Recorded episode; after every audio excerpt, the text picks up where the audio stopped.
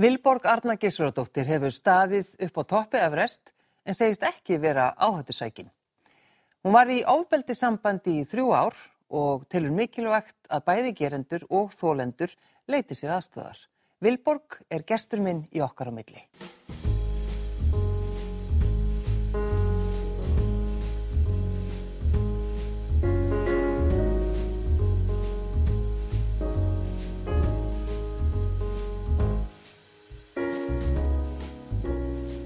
Takk fyrir að sitja hjá mér.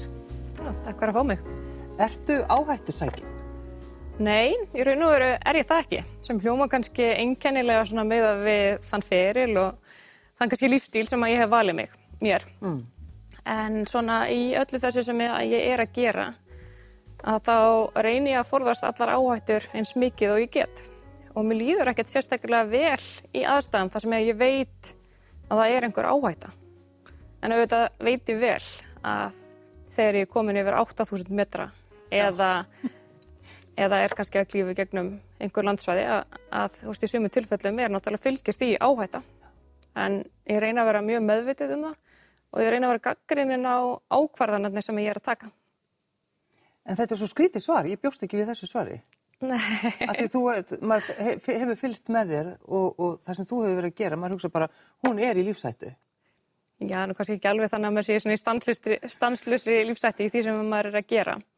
En svona maður reynir að búa þannig um hnútana að, að það sé, sérsagt, markmiður alltaf að koma heim. Þannig að sé einhvers konar svona undankomi leið. En vissulega hef ég lendi í aðstæðum e, þar sem ég hef lendi í lífsætti. Já. Það er þannig. En það hefur verið vegna náttúruhamfara. Mm. Og það skiptir máli líka þegar maður ákveður að fara í svona verkefni að maður sé líka á, tilbúin til þess að snúa frá.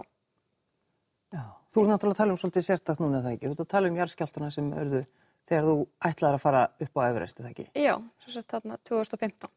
Þá verða náttúruhamfarir og verða bara mjög stóri járskjáltar, 7,8 og í kjölfarað þeim á svæðinu sem ég var komu snjóflóð og, og munaði litlu að, að búðunar sem ég var í þá mm myndu verða fyrir því. Grunnbúðunar sem voru fyrir sérst, þá nýjaðan okkur, eitt þriði þurkaðist út af þeim.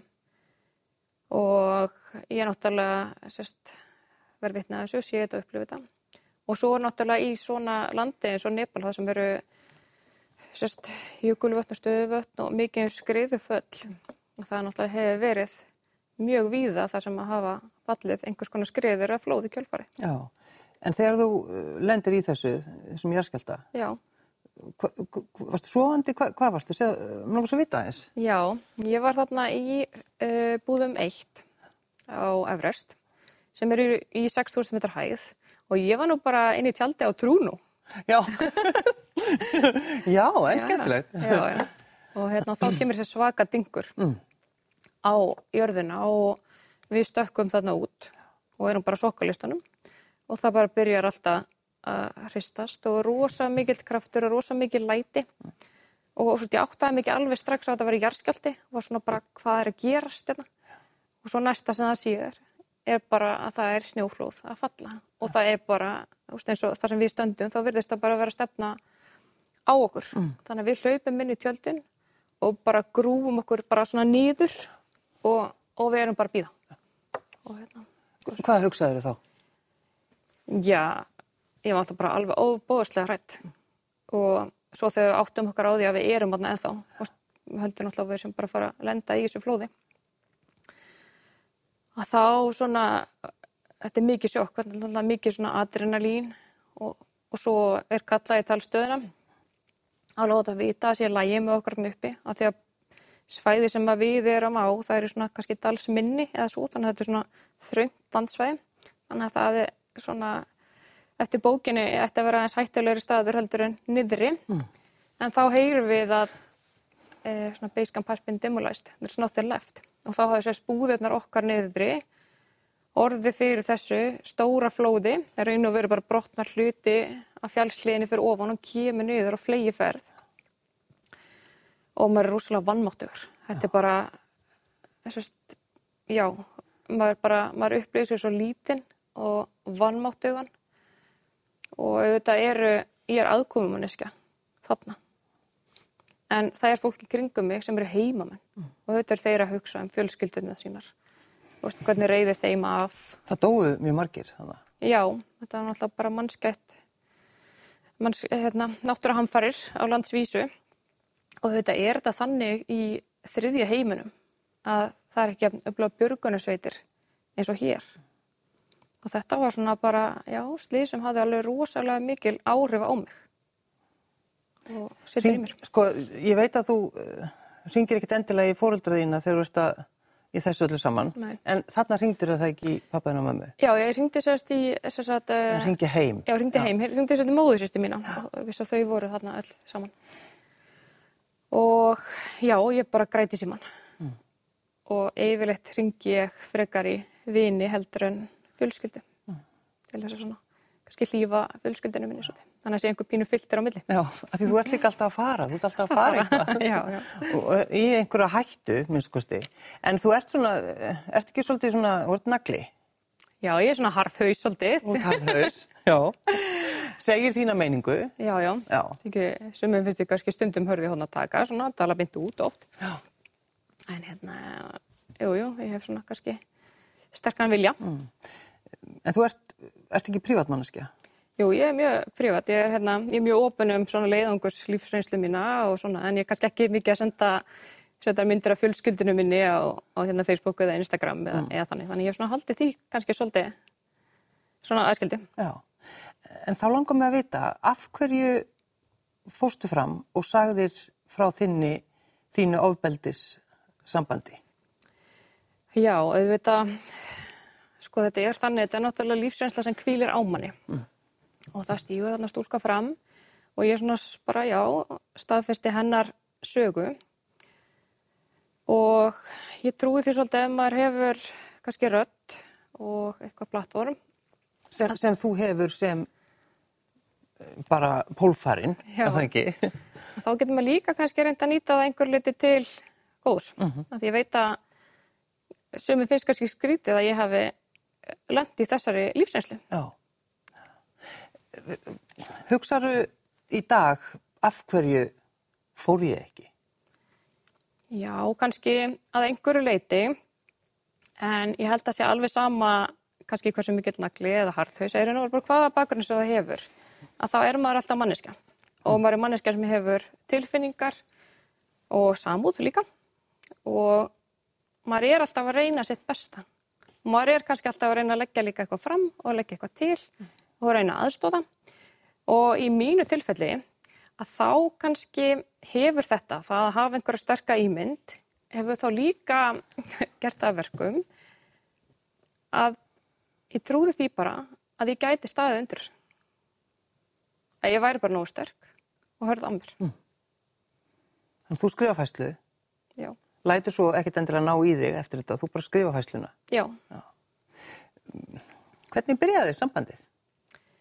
Já, þetta byrjar þannig kringum 2014 og 2014 þá hafði ég líka verið á Everest og upplifið þar sagt, aðrar náttúruhamfarir og sagt, e, snjóflóð e, eða svona ísrun og það fellur yfir hópa af mönnum, sérpum, heimamönnum sem eru þarna við störfi í fjallinu og þetta, sérst, ég tók þátt í svona björguna aðgjörum eftir þetta slís og það eru 16 mann sem týna lífi. Það var óbúðslega mikið áfall og mér leiði óbúðslega illa eftir þetta og ég var svona alveg algjörlega heartbroken mm. og mitt áfall kemur svona miklu hluti út í líkamannum. Ég er rosa meitt í kjölfari mikið af bólgum og, og kemst bara ekki upp esjuna. Og þetta er svona bara já, þetta situr í mér, þetta hefur mikil áhrif á mig og, og ég fer sér svona svolítið aftur á baki, ég fer hérna aftur út um haustið og þá til Tíbet og klýf þá með fyrsta 8 ásmyndar tind. Og þegar ég kem, og það er raun og veru, hérna, já, nægir svona, svolítið, svona bæði persónlega markmiði, en ég er svona líka svolítið að reyna að loka einhverju reynslu sem ég upplýði þarna. Og ég raun og veru kynnist þarna þá fljótlega eftir að ég er komin heim. Og kannski tengist svolítið í gegnum þessa fyrir reynslu þar er nú verður svona ákveðin tenging. Mm. og já, og svona kannski í gölfarið er ég náttúrulega líka rosalega svona bara einhvern veginn líka svolítið uppgefin. Hefði er ég líka frekar meðvirkmanniska hef það.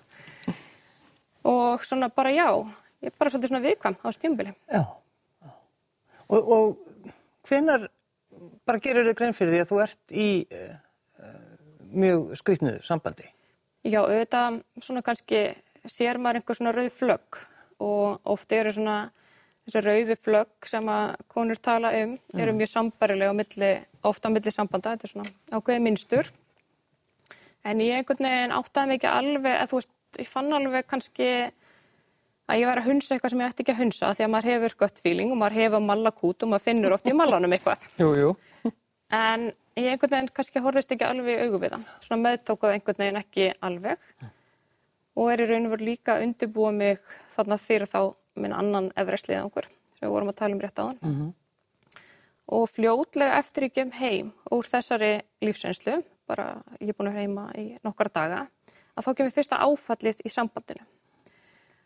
Og svona, já, kannski ofan í þetta sem ég hafði upplifað þarna á Everest, að þá náttúrulega er ég bara svolítið beigð og brotin og stend ekki alveg kannski upp fyrir sjálfurinn mér í kjölfarið og og bara við taka mjög erfiði tímar.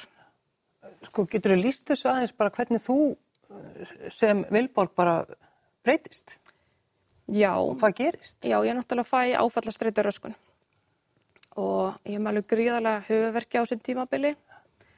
E, ég fæ svona hórlós, e, óreglu og blæðingar. Og ég er bara mjög svona, já, bara er með svona mikla spennu líkamannu, spennu höfuverki til þess að halda mig gangandi, þú veist, ég það bara, ég það mikið að í nutt, þú veist, ég bara fara í nutt kannski tvísvar í viku, bara til þess að veist, halda kroppnum á mér gangandi. Mm. og svo er þetta náttúrulega bara óbúrslega mikil vannlíðan sem fylgir þessu og sjálfsmati svona líka eh, lækkar í hérna kjölfarið á þessu öllu saman. Við, sko, fann fólki í kringu þig að það var eitthvað að? Já, auðvitað svona fer fólk að taka kannski eftir einhverju breytingu. Ég, en ég einangraðist líka mikið og ég er náttúrulega einangraðið mér líka í kjölfari því að mér leið illa. Ég var líka með fordóma fyrir sjálfur mér í þessum aðstæðum og ég skammaðist mér líka svolítið og mér fannst ég kannski ekki alveg standa undir því sem ég ætti að standa undir. Að því við sjáum þig eins og bara þessa sterku, sterku konu. Já. Já. Þannig að þetta var svona... Fannst þér ekki sann skrítir að hugsa tilbaka að þú finnur fyrir skömminni? Jú, en ég held að, að það sé bara mjög algeng tilfinning. Mm -hmm. Þegar maður upplifis í einhverjum aðstæðum sem að, og maður hefur bara ekki stjórnaði. Og maður er kannski allir að vilja gerðu til að gera eitthvað. En, en þetta er þannig að maður hefur kannski bara ekki, ekki stjórn og maður fyrir pínu í svona survival, svona mót. Mm, já. En þú, að því við, sko, mér langar svo að segja frá því að þegar ég hitti í fyrsta skipti, þá er ég svo hissa að mér, Ég held að þú eru svo hávaksinn. Já. þú ert alveg ekki lítil en samt. Alveg, þá getur ímyndað hvað fólk svona hugsa um þig. Já, já, það hefur kannski einhver átunar hugmyndir. já, hefur hugmyndir um þig. Já, já. Og, og þú þarna bara einangraði, lokaði bara frá. Já, svolítið. En sko, hvenar hugsaður, ég, ég verð bara að fara, ég verð að hætta, hætta þessu? Já, það eru svona koma nokkur svona kannski áföll, að maður getur kallað það í, í sambandinum. Um, en á sama tíma svona, þegar, eftir að ákveðnum botni er náð mm. að þá kemur líka ákveð gott tímabill og, og þannig er það oft í samböndum. Mm. Þetta skiptast á skinn og, og skúrir og í stundu lífti að, að svona, svona eftirleikurinn þá mér oft liðið eins og í svona blári hérna síldartunum, svona rauðu loki já, já. og maður er alltaf svona pínleitar en að brjótast upp úr en stundum hefur lókunni svona skellt ofan á mann mm. en en já, ég svona finn að hlutunir eru ekki réttir og, og fer að reyna að vinna í því og ég, og ég leita mér líka hjálpar. Mm. ég fæ aðstóð og ég nýti mér það. Og ég set mér það mark með að að fara aftur á Everest.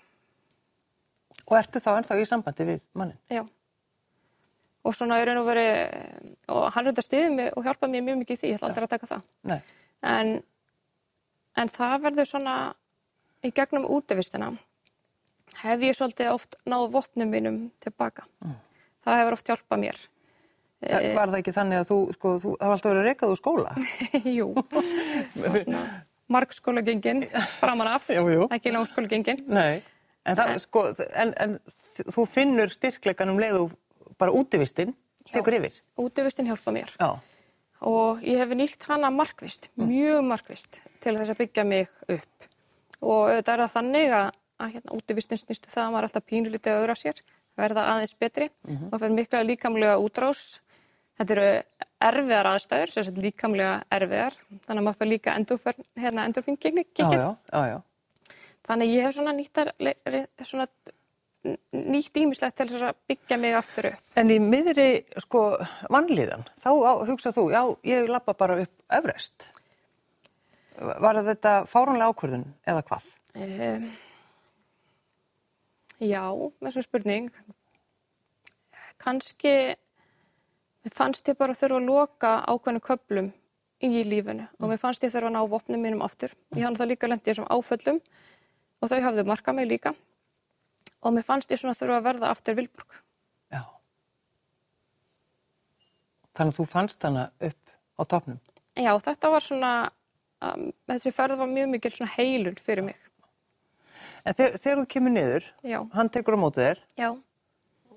varstu þá búin ákveða að brjótast út úr Þetta þessu var sambandi? svona alltaf að meiklast í mér smátt og smátt og það gerist tilturlega svona fljótlega eftir að ég kem heim. Mm. En, en mér er svona alltaf þótt svo væntum hann fyrir þennan kapla. Já, já. Og það er þannig að manni þykir líka oft væntum fólk þó að sé erfleikar. Þú talar um að, að, sko, að gerendur og þólendur Já, fái hjálp. já, ég til það bara, það er svo mikilvægt. Og ef við horfum bara á e, það eru upplýsingar sem eru að koma fram í dag e, um alla strákana sem líður illa og ef það er gripi fyrir inn, ef fólk getur leita eitthvað, nú er náttúrulega komnar e, svona ákveðin úrraði en ég held að þurfi bara svo miklu, miklu, miklu, miklu, miklu meira til og þetta er svona sveif sem að er að snúast og það er alltaf gríðarlega erfitt þetta tímabil sem við erum á akkurat núna, allar svo opnanir og allt þetta. Af hverju er, er þetta koma núna? Af hverju eru konur að standa upp og, og tjá sig og segja frá? Af, vistu af hverju? Ég held að þetta sé kynnslóðaskipti ákveðnu leiti. Ég er svona kynnslóðinni á milli, ég tengi bæði við kannski kvísluleiki sem átti sér stað áður og svo tengi ég náttúrulega líka eins við yngri stelpunar sem eru núna. Kvísluleikin. það er svolítið góð lýsing. Já, Já. Já, þannig að þú, þú ert þarna einhvern veginn á milli. einhvern veginn á milli. Já. og ég held að þetta séu kynstóðaskipti og auðvitað er það þannig að þá enginn að þurfa að búa við aðstæður uh, óbyldis aðstæður að neinu tægi og ég held að þurfi að grípa inn og ég held að þetta sé líka fræðsla og ég held að þetta séu einhvers konar meðferðar úrræði líka. Það hefur líka gríðarlega áhrif á mann að lenda í sagt, úrvinnslan er svo mikil sem maður þarf að fara í eftir svona reynslu Já. og maður verður bara að fá hjálp við það. Hva, hvað var þetta langur tími? Hvað varstu með hann og lengi og hvað varstu lengi að losa þig út úr þessu öllu svona? Já, sko sambandið er í um þrjú ár og síðan erum við svona á samstarfsvettfangi eftir það. En þú í rauninni, þú, þú missir fyrirtækið, þú, þú missir í rauninni einhvern veginn, þú missir áhugan á í rauninni öllu. Já, þú veist, ég raun og veru kannski missa ekki fyrirtækið mitt, ég á það ennþá. Já, já, já, akkurat. Eh, en ég svona, já, það sem að ég hafði lagt líf og sál í að byggja upp eh, að svona í dag um, er það ekki vettvangurum minn Nei.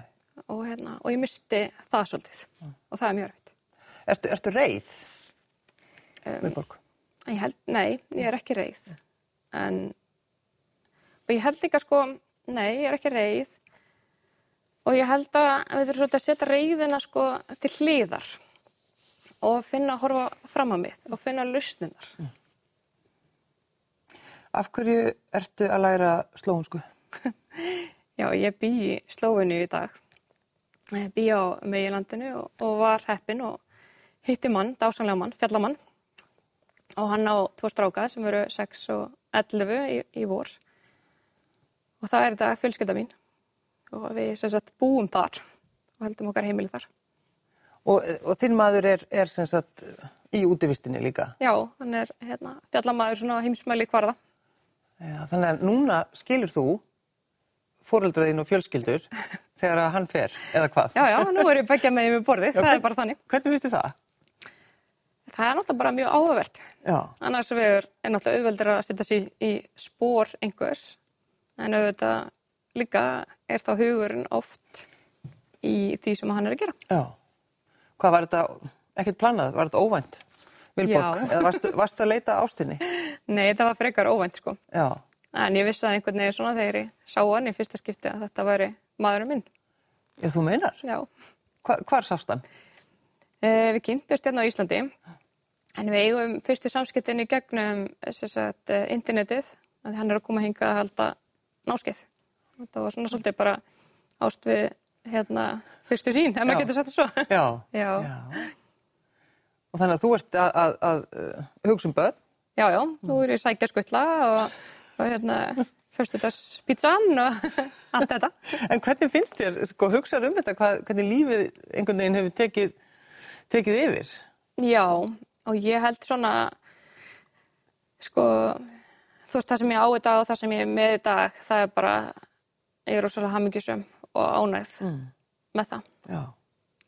En þú ert sko, þú ert fegin að vera að tala um þetta að því að þú veist að þú hefur eins og þú segir, þú hefur röddina. Já, og mér finnst bara mikilvægt að leggja lóð mín á vóaskálanar og, og svona mér langar að við hugsa um þetta svona heildrænt. Og þú heldur að það er eftir að takast eða hvað?